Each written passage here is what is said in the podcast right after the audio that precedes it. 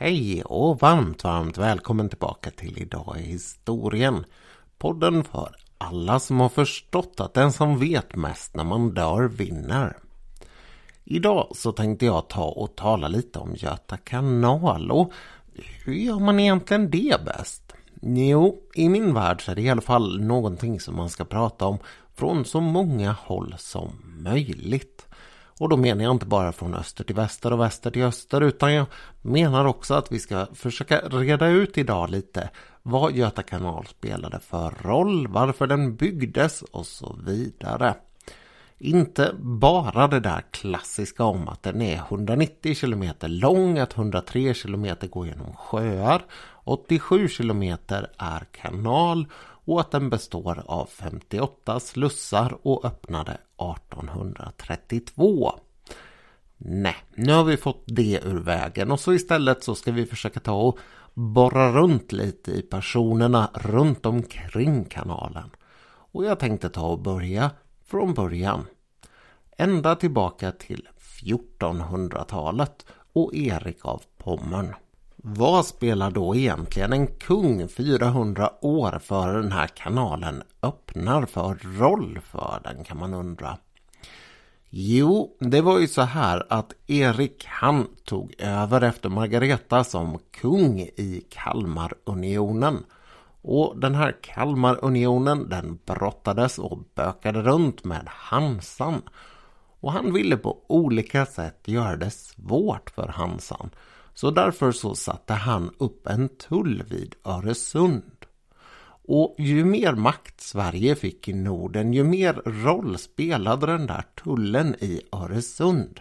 Särskilt såklart när vi hade brutit oss ur den här Kalmarunionen och inte längre var del. För att det blev ju som sagt ett hinder med tanke på att Skåne fortfarande var danskt vid den här tiden. Och det som vi förlorade på att att eh, betala den här tullen till danskarna det var inte bara pengar som vi förlorade utan det var också pengar som danskarna, den här klassiska fienden, storfienden till Sverige på den här tiden, tjänade på samma sätt. Så vi hade en hel del olika lösningar på hur vi skulle slippa undan den där tullen. Bland annat var det en fråga som diskuterades och på olika sätt fattades olika typer av beslut i när det var dags att skriva freder mellan Sverige och Danmark. Det man inte kunde lösa med krig eller diplomati det försökte man på olika sätt få ordning på med hjälp av teknik. Och när Skåne väl hade blivit svenskt så försökte man, eller försökte gjorde man faktiskt inte, man funderade på om man kunde bygga en kanal som gjorde att det var möjligt att slippa undan den här tullen bara genom att runda Öresund. Tanken med den här kanalen var då att den skulle gå ut från strax söder om Helsingborg och sen inne i landet ända tills den kom upp ungefär rakt norrut upp i Skölderviken, Skälderviken, förlåt, några mil norrut. Problemet med den här kanalen bland annat är att man rent tekniskt får bekymmer med mängden vatten. För det finns ingen vattenkälla som ligger högt uppe som man kan använda för att fylla på vatten i slussar. Jag ska komma tillbaka till det där lite mer när vi kommer fram till Göta kanal. Men problemet är alltså då att det blir väldigt svårt att slussa upp eh, skepp till en tillräckligt hög nivå för att kunna passera igenom en sån här kanal i markhöjd. Och om man då ska passera istället igenom på havshöjd så betyder det att man måste gräva väldigt, väldigt djupt i marken. Någonstans omkring 50-60 meter djupt faktiskt. Och det säger ju sig självt att det är ett oerhört arbete att göra en sån här utgrävning för att bygga en kanal. Hur mycket man än skulle kunna ja, plocka pengar av dansken på det. Eller i alla fall se till att inte våra pengar hamnar i danskarnas ficka. Det var så att den här tullen den levde kvar så pass länge så att när man började fundera över eh, Göta kanal så var en av anledningarna faktiskt till att man ville bygga den just den här Öresundstullen. Det fanns såklart andra också. Det var ju väldigt mycket närmare att åka från Stockholm en liten bit söderut och sen rakt genom landet. Istället för att åka runt halva Sverige höll jag på att säga. Men ja, hela södra Sverige. Det har funnits olika idéer om hur och var en sån här kanal skulle kunna byggas. Och det har egentligen funnits två ledande alternativ. Det ena det har varit Svea kanal, alltså en kanal som går lite längre norrut än Göta kanal. Och den skulle då gå ut genom Mälaren, ner i Hjälmaren och sen ner i Vänern och så ut via Göteborg så som det går idag. Den kanalvägen som vann blev ju då istället Göta kanal och den går ju då in strax utanför Söderköping och sen igenom hela Götaland och kommer ut på Sveriges västra sida genom Göta älv och Göteborg. Och det kan vara värt att poängtera i det här läget att det är alltså bara Göta kanal från östkusten och till Vänern på andra sidan där det här som går ut Göta älv och eh, ner och ut genom Göteborg. Det är en helt annan kanal som inte hör ihop med Göta kanal på så vis att det inte är samma tid det byggs och eller att det är i samma bolag. Därför att mannen som tog tag i att bygga den här kanalen till slut, han gjorde det i bolagsform. Och det är honom vi ska prata om nu, en man som heter Baltzar von Platen. Hans namn är egentligen inte så där udda som det låter utan anledningen till att han heter på det sätt han gör det är att han är född i det som idag är Tyskland. Man glömmer ju faktiskt ganska ofta bort att Sverige har haft en ganska god portion av den nordtyska kusten. Och Baltzars familj de kom från Rügen, den här stora ön som ligger utanför kusten. Där hade de ett stort gods eftersom de var adliga och vi kan ju faktiskt ta och påpeka vid det här laget också att en bit söderut därifrån så finns den gamla svensk-tyska staden Stralsund eller Stralsund som den heter på svenska. Och där föddes en så ursvensk får jag säga person som Skele. Ni vet apotekaren som var kemist. Så en hel del av våra stora kommer faktiskt från det här området. Inte minst då Baltzar von Platen och Scheele.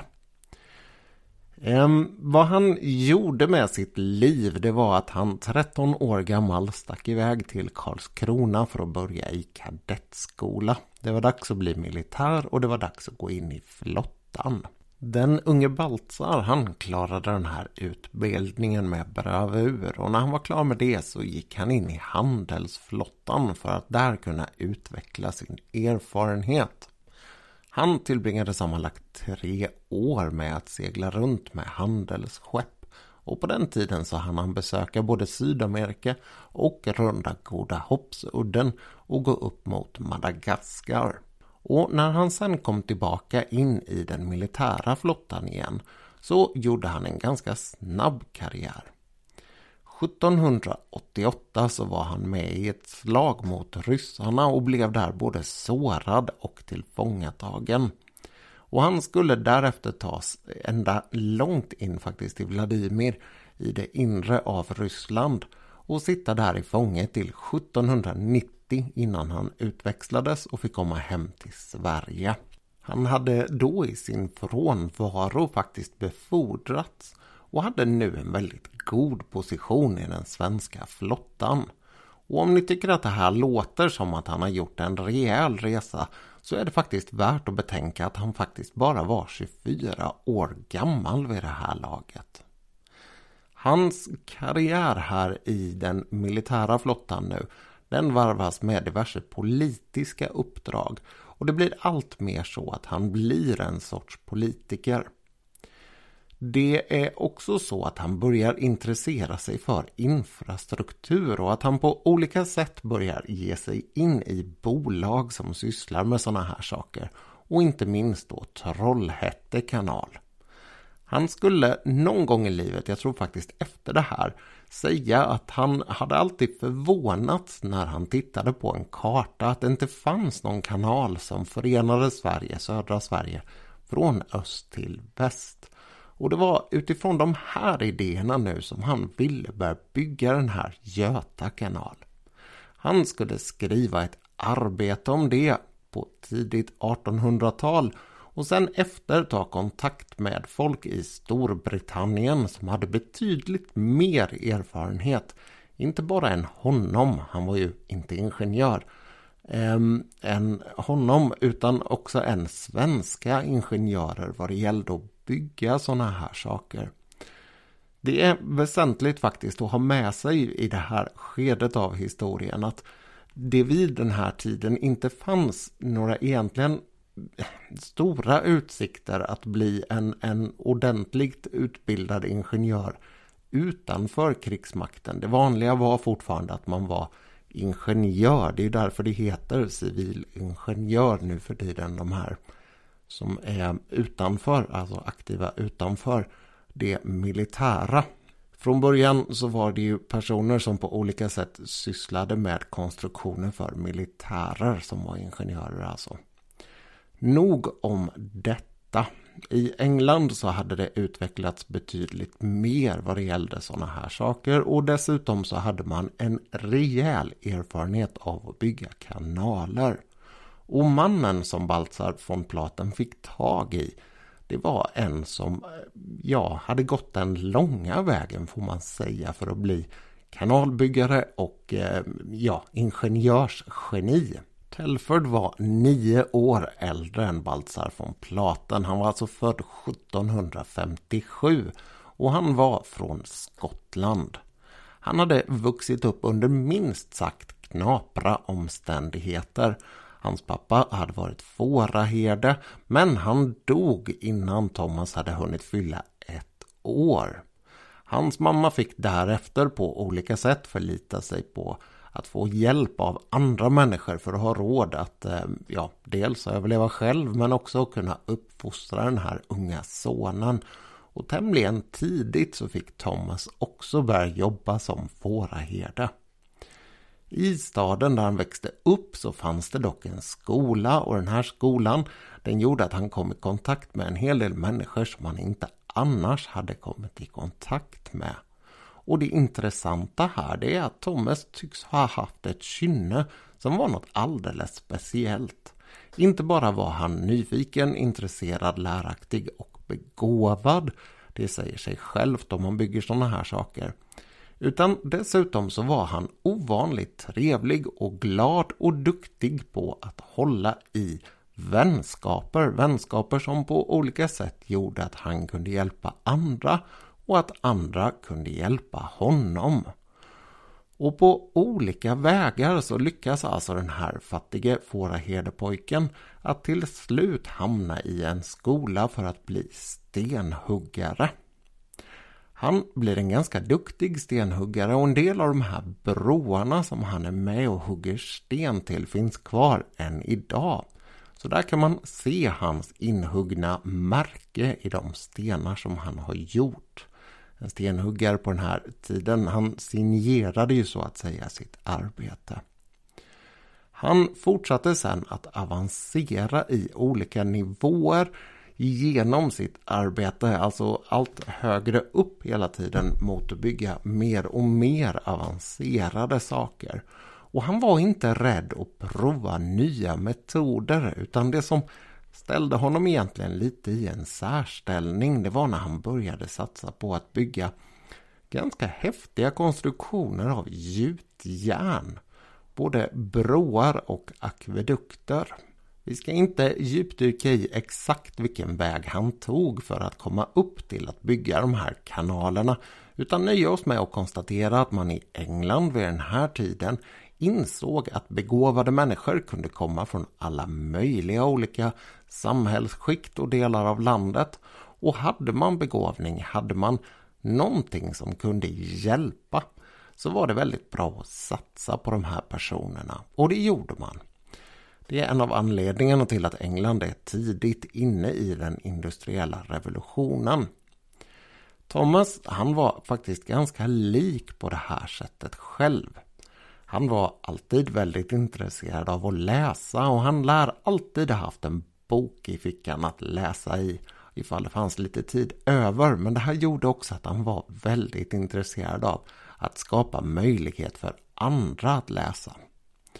En annan sak som han ville göra det var att skapa möjlighet för folk att kunna resa. Och inte bara då att resa för att komma någon annanstans. Utan att resa för att utveckla sina möjligheter att bli kvar. För han hade förstått vilken oerhörd roll en väl utvecklad infrastruktur kan spela för ett landskap. Och på så vis ville han utveckla vägarna som fanns bland annat i Wales och Skottland i fattiga områden. Och han gjorde det här just genom att utveckla infrastrukturen för att han visste att om folk kunde stanna och tjäna pengar på ett vettigt sätt så kunde man få en ekonomisk framgång och en bättre livsnivå eh, i ett sånt här område. Ett väldigt fint sätt att använda teknik får man säga.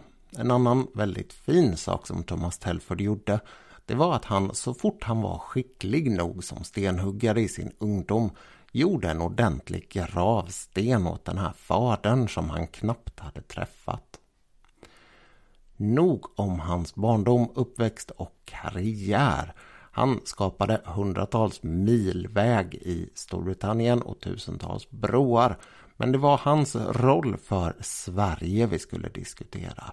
När von Platen insåg att han skulle kunna få igenom den här stora kanalen så var ett av hans drag att börja leta efter rätt personer att hjälpa till med arbetet. Och det var på så vis som han fick tag i Thomas Telford. De sågs vid precis rätt tillfälle och 1806 så bjöds Thomas Telford in av ingen mindre än kungen för att hjälpa till med att bygga den här kanalen. Tillsammans så skulle han och von Platen gå hela vägen som den här kanalen var tänkt att bli och sen skulle Telford sätta sig ner och räkna på var man skulle bygga slussar och hur stora de skulle bli. Märk väl att han är ju ingenjörsdelen av det här samarbetet. Von Platen är den stora organisatören. Och det blev faktiskt väldigt mycket utifrån den här planen som de drog upp under sin tre veckor långa promenad. Det blev också en väldigt lång vänskap de här två männen emellan och de skulle fortsätta att eh, brevväxla fram till att eh, Baltzar von Platen dog. 1810 var det dags för kungen att agera igen. Han gav då Baltzar von Platen ett privilegiebrev med rätt att bygga en kanal rakt över Sverige och med en hel del resurser till hans hjälp. Det här skulle leda till att man ganska snart satte igång, faktiskt här i dagarna nu i maj för 111 år sedan med att bygga kanalen. Och man gjorde det med enklast möjliga arbetskraft. Man tog tag i att använda en hel del värnpliktiga soldater. Eller ja, indelta skulle man väl ha sagt på den tiden. Men vad som idag hade varit värnpliktiga lite förenklat. Det skulle vara en hel del människor inblandade i arbetet och det skulle dessutom vara på flera olika platser samtidigt. Som mest så var det 7000 soldater som grävde på en och samma gång och under hela arbetets gång så var det 58 000 soldater som deltog. Det fanns en del andra som ställde upp, en del civila som ville göra sig lite pengar eller så och det fanns faktiskt några kvinnor också som var med och grävde. Sen har det funnits ett ganska ihärdigt rykte om att Göta kanal byggdes av ryska krigsfångar.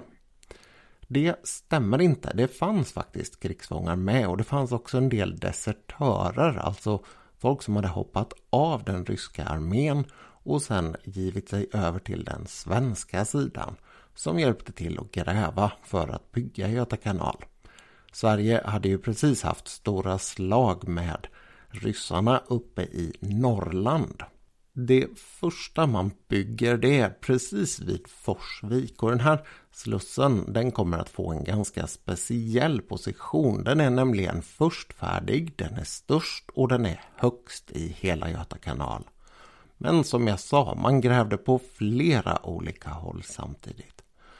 Jag ska förresten, märker jag här, kanske ta och rabbla lite siffror på den där slussen. För det är ju faktiskt ganska intressant att få en uppfattning om det. Den här slussen den är 3,5 meters stigning eller fallhöjd på beroende då på hur man ser det. Ehm, och dessutom så är den lite bredare än de andra. Det finns en dubbelklaffbro där. Den är den äldsta i hela Göta kanal också. Och när man fyller och tömmer den här så går det åt 1000 kubikmeter vatten. Vilket är betydligt mer än vad det gör i de andra slussarna där det går åt oftast omkring 600-700 kubikmeter vatten.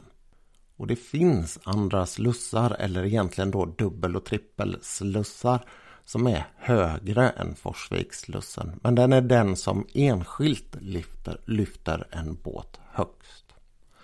Så, där hade vi fått lite fler kalenderbitar fakta ur vägen. Jag tycker det är ganska roligt med sånt där men jag är väl medveten om att inte alla gör det. För den som mer uppskattar teknik för dess skönhet så kan jag säga att det är faktiskt värt att googla lite och titta på de här broarna som Thomas Telford byggde i England istället. För de är ordentligt vackra några av dem. Särskilt de här kanalbroarna som ska få vatten, eller kanaler såklart då, att passera över en dalgång eller så. Fantastiskt vackra skapelser. Men som jag nämnde lite sådär tidigare så handlar det faktiskt inte bara om snille och ingenjörskonst för att bygga den här kanalen utan det var ett rejält hårt, brutalt arbete. Jag har inte någonstans sett några siffror på hur många som omkom medan man byggde kanalen men jag kan tänka mig att det var ordentligt många. Det jag däremot har lyckats hitta det är ett litet arbetsschema för hur det kunde se ut för de här soldaterna som byggde. Och det börjades med att de väcktes med revelj, alltså en sån här militär eh, ja, fanfar höll jag på att säga, men det kan vara lite olika instrument. Oftast fanfar. Redan klockan fyra på morgonen. Klockan 04.30 så hade man en morgongudstjänst och klockan fem så började man att arbeta. Sen hade man då ett tre timmars arbetspass innan man hade en timmes frukostvila och sen fortsatte igen med tre timmars arbetspass mellan 9 och 12 och sen en och en halv timmes vila. Därefter så började man arbeta igen klockan halv två och jobbade till halv fem innan man hade en halvtimme ledigt för att äta sin aftonmåltid. Klockan fem så började man jobba igen och så fortsatte man fram till 20.30 innan man avslutade med kvällsgudstjänst och motsvarande då musik för att avsluta dagen, ett så kallat tapto. Så arbetsdagen pågick alltså från 04 Nej, förlåt, man gick upp 04.00, började arbeta 05.00 och jobbade till 20.30.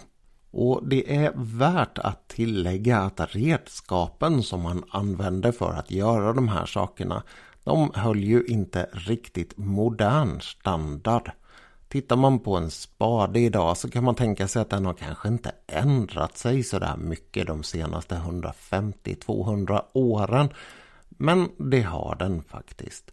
Vid den här tiden, vid två, eller för 210 år sedan ungefär, då använde man sig av träspadar som hade en, en eh, vad heter det, metallkant längst framme för att den inte skulle gå sönder för mycket när man grävde med den. Och allt annat, sådär skottkärror och lyftanordningar och så, var i princip gjort av trä. Man kunde lyfta betydligt mindre, det krävdes betydligt mer handkraft för att lyfta saker. Så det är en ganska annorlunda situation vad det gäller teknologi. Och teknologi, det är faktiskt en intressant del av Göta kanal. Därför att jag nämnde ju det tidigare att eh, Sverige var väl lite på efterkälken jämfört med England vad det gällde de här sakerna minst sagt. Men genom Thomas Telford så fick vi tillgång till en hel del faktiskt spjutspetsteknologi från England. Så många av de här sakerna som användes när man byggde Göta kanal trots då att det var någonting som mestadels byggdes med brutal muskelkraft så var det när man muddrade och sådana här saker bland annat riktigt avancerat med tidens mått mätt eh, material eller teknologi från England som användes. Och Telford han såg också till att man skickade över erfarna duktiga kanalbyggare från England för att utbilda de svenska kanalbyggarna. Ett par, de som skulle leda den öst och västdelen av eh, kanalbygget, de fick också åka över och studera hos Telford i Storbritannien. Och Telford själv, han skulle faktiskt komma tillbaka efter några år och kolla hur det hade gått med arbetet. 1822, 12 år in på byggandet, så är den delen som går igenom Västergötland klar. Inte minst för Baltzar von Platen så var det här en enormt stor affär. Han fick nu faktiskt Serafimerorden och det var en rejäl politisk karriär han höll på att bygga. Han hade varit behjälplig på olika sätt när den här nya planen som Karl XIV Johan drev igenom för svensk utrikespolitik gick i lås. Ni vet, han försökte ju inte ta tillbaka Finland som Sverige hade förlorat 1809 utan istället gick genom inblandningen i Napoleonkrigen så såg han till att Sverige gav Danmark på nöten och på så vis kom åt Norge. Och där hade Baltzar von Platen varit inblandad. Inblandad så till den milda grad att han 1827 faktiskt skulle bli riksståthållare i Christiania. Christiania är ju en stad som inte finns längre utan det är ju en fristad i Köpenhamn. Men den kan vi glömma. För det Christiania som vi talar om här det är dagens Oslo. Där var Baltzar von Platen bosatt de sista åren av sitt liv som sån här riksståthållare, kungens sändebud i Norge under den svensk-norska unionen. Han var faktiskt inte där särskilt länge utan han kom dit som jag sa 1827 och så avled han två år senare. Hans kropp den fördes tillbaka till Motala, en stad som hade varit lite av en centralpunkt för kanalbygget. Och där hade han sett ut en plats där han ville bli begravd. Så precis på en av bankarna ner mot Göta kanal så har han en familjegrav. Och ganska länge så var det faktiskt lite tradition att man skulle skjuta salut eller hissa flaggan när man åkte förbi hans grav. Märkligt nog så hade han faktiskt bett om att få en enkel begravning själv. Men det, det ville inte kungen veta av utan istället så satsade man på att göra en riktigt storslagen historia. Värt att notera här är alltså att han dör 1829 tre år innan kanalen är klar. Nu blir jag lite oroad här faktiskt att jag sa i början att kanalen öppnade 1829. Det är hans dödsår som sagt. Kanalen öppnar istället 1832 eller den fulla kanalen från öst till väst öppnas 1832 och inget annat. Och vi kan ta och hoppa dit direkt faktiskt för att det blir samme kung och samme storslagna firande när kanalen ska invigas. Kungen är där och inspekterar och man hissar hans tre skepp i de här slussarna som finns längs österut. Det är en ordentlig fest med en storslagen middag med 300 gäster och det sägs att det var en hel del andra som fick en hel del att dricka och att det aldrig har plockats fler fulla personer ur Göta kanal än vad det gjorde den där kvällen. Det han invigde var alltså en vattenväg från öster till väster för båtar upp till 30 meter långa med 22 meter segelfri höjd och 2,8 meters djupgående. Och det här, det var tänkt att vara någonting som dels revolutionerade passagerartrafiken i Sverige och som dels ehm, revolutionerade, eller lika mycket revolutionerade godstrafiken i Sverige. Och det måste faktiskt sägas att Göta kanal spelade en väldigt stor roll under några decennier. Inte minst genom att det fanns en hel del personer som var inblandade där och som blev väldigt, väldigt duktiga på teknik och sen förde den här tekniken vidare ut åt andra håll. Vi ska återkomma till ett par av dem strax. Men först så vill jag bara påpeka att detsamma är sant vad det gäller företag. Därför att just det här att kunna flytta stora tunga grejer det är väldigt viktigt när man ska ge sig in i den industriella utvecklingen. Och hur den här kanalen gick spelar alltså roll för hur företag etablerades runt om i Sverige. Den här Motala Mekaniska Verkstad den spelade en väldigt mycket större roll än vad någon annan fabrik någonsin hade kunnat göra i Motala om inte kanalen hade funnits där. På samma vis så spelade kanalen en väldigt stor roll för en stad som min hemstad, Jönköping, där man ju faktiskt kunde tillverka saker och sen ganska billigt och enkelt, om än långsamt med dagens mått mätt, frakta dem upp genom Vättern in i Motala och sen upp till Stockholm om det var dit de skulle. Ovanpå det så kunde man ju också frakta folk som sagt. Och det fanns en hel del kändisar som reste på den här kanalen. Sofie Sager har jag pratat om tidigare, hon reste upp där. John Bauer gjorde det av lite speciella skäl. Han och hans fru de skulle ju ha en nystart uppe i Stockholm på tidigt 1900-tal. Men då hade precis den här stora järnvägsolyckan i Getå varit en olycka som krävde mängder av dödsoffer och som skrämde familjen ganska mycket. Så för säkerhets skull, sa man, så ville man resa med båt. Och det gjorde man med ett eh, riktigt dystert resultat. Den här båten skulle ju i dåligt väder och ganska dåligt packad vad det verkar, lastad heter det när det gäller båtar. Men ni förstår vad jag menar. Eh, så skulle ju lasten förskjutas och få båten att slå runt utanför Hästholmen så att både John och Ester och deras lille son Putte dog. Andra som har rest på den här boken, båten, förlåt, är minst lika intressanta.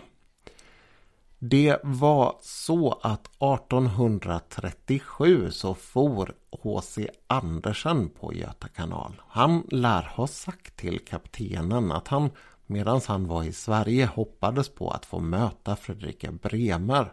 Och att han nästan visste att han skulle få göra det för han brukade ha tur när han var ute och reste. Och det var faktiskt så att hon klev på längre fram och det blev en ganska intressant resa för dem båda för ute på Vänern sen så bestämde sig den unge Andersen för att gå upp på däck för att titta på soluppgången. Och i en annan hytt i en annan del av båten så bestämde sig den några år äldre eh, Fredrika för att göra samma sak. Och sen satt de där ute och språkade samman och han gav henne ett ex av sin senaste bok. Ett möte som gav en ganska lång vänskap. Två andra som har mötts och umgåtts på kanalen är Sven Hedin och Henrik Ibsen. Men kanske mer kända, eller i alla fall mer känt möte är ju Sara och Albert i eh, Carl Jonas Love Almqvists bok Det går an. Så att säga att den här kanalen spelade en stor roll för mänskliga möten och ett slags kulturell betydelse är ingen underdrift. Utan tvärtom så måste man faktiskt förstå att på samma sätt som man resor idag utvecklar och sammanför folk så gjorde den här kanalen det. Men den skulle få ett abrupt slut och den hade faktiskt på sitt sätt burit slutet med sig i sin egen linda. Det jag talar om är det här som jag var inne på förut, att det fanns en massa personer här som kom att lära sig en hel del om teknik och att de skulle föra tekniken och Sverige vidare i nya riktningar. Två av dem var värmlänningar och bröder, John och Nils Eriksson. John Eriksson, det är ju han som är igång med propellrar och bygger båtar borta i USA, krigsfartyg längre fram. En väldigt, väldigt intressant person. Hans bror är betydligt mindre känd men har inte desto mindre spelat en enorm roll för Sverige. Och han gjorde det precis som sin bror genom att grundlägga sin karriär på Göta kanalbolaget.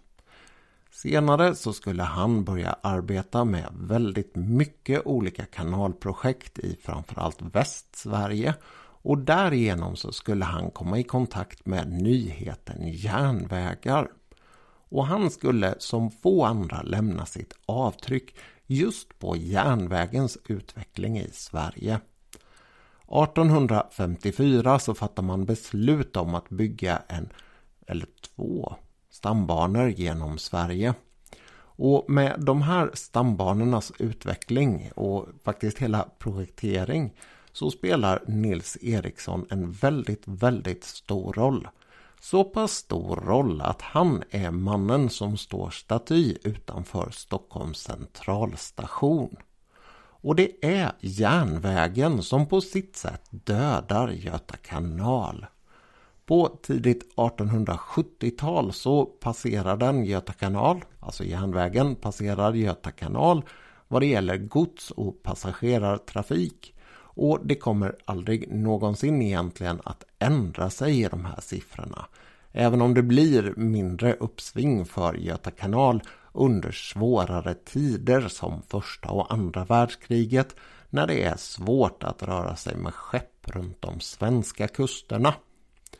Och man får istället hitta nya vägar att gå med Göta kanal. Nya vägar som blir till slut idag turism. Idag så satsar man på turism av alla möjliga olika sorter, inte bara båtturister. Och det har lyckats därför att Göta kanal tillhör de absolut största turistmålen i Norden med 3 miljoner besökare per år. Och som jag sa, det finns alla möjliga olika sorters turister. Man började ganska intensivt med att satsa på cykelturister som skulle kunna cykla på de här dragvägarna längs med Göta kanal. Sen är det senaste nu att man har börjat satsa på att folk ska göra roadtrips längs med Göta kanal. Och förutom det så finns det ett antal fasta grejer att besöka runt omkring vid Göta kanal. Olika museer som antingen är kopplade till själva kanalen och dess utveckling eller olika turistmål som bara råkar ligga väldigt väl placerade i närheten. Bland dem faktiskt så älskar min son att åka till det här lilla Göta kanal-landet i närheten av våran sommarstuga vid Mariestad. Men det ska vi inte prata om nu utan istället så ska vi gå vidare till att prata om vad som händer med Göta kanal under vinterhalvåret. För med tanke på hur enormt mycket folk det är som besöker den och hur många båtar det är som fortfarande passerar så krävs det en hel del underhåll. Det är ju trots allt drygt 200 år sedan sedan den blev klar. Och tack och lov kan jag faktiskt tycka så försöker man underhålla den här med ursprungliga tekniker. Nej, det innebär inte att man använder värnpliktiga soldater till att gräva. De har man ersatt med moderna maskiner. Men allting vad det gäller slussportar och sådana här saker, det lämnar man i samma skick som man, eller inte samma skick, samma stil som man byggde det från början. Man har gjort olika prover att gå över till att använda stål i de här slussportarna Men då visade de sig bara hålla i 70 år. Det var mer hållbart med rejält målat gammalt gjutjärn och trä. Och därför så kan man se de här portarna som är närmare 200 år sakta men säkert restaureras eller bytas ut med nya som är byggda i precis samma stil. Sen är det ju såklart en hel del annat underhållsarbete som behövs göras. Det finns ju en hel del tecken och sånt ute i det öppna farvattnet. Och det finns ju också en hel del olika saker runt omkring de här slussportarna som ska skötas. Sen får det ju inte finnas saker som är i vägen för den segelfria höjden och det ska klippas träd och ja, allt möjligt runt Göta kanal. Har ni rest där så vet ni vad jag menar. Och med det sagt så är det faktiskt dags för mig att tacka för mitt också och kanske inte riktigt gå i vintervila men i alla fall att göra hustruns sällskap i tv-soffan. Det är fredag kväll här hemma också. Jag hoppas att ni har tyckt att det varit intressant att lyssna om det här. Vårt största byggnadsverk eh, genom historien. Och att ni alla har det riktigt varmt och gott där ute i solen som äntligen har hittat tillbaka. Tills nästa gång, allt gott!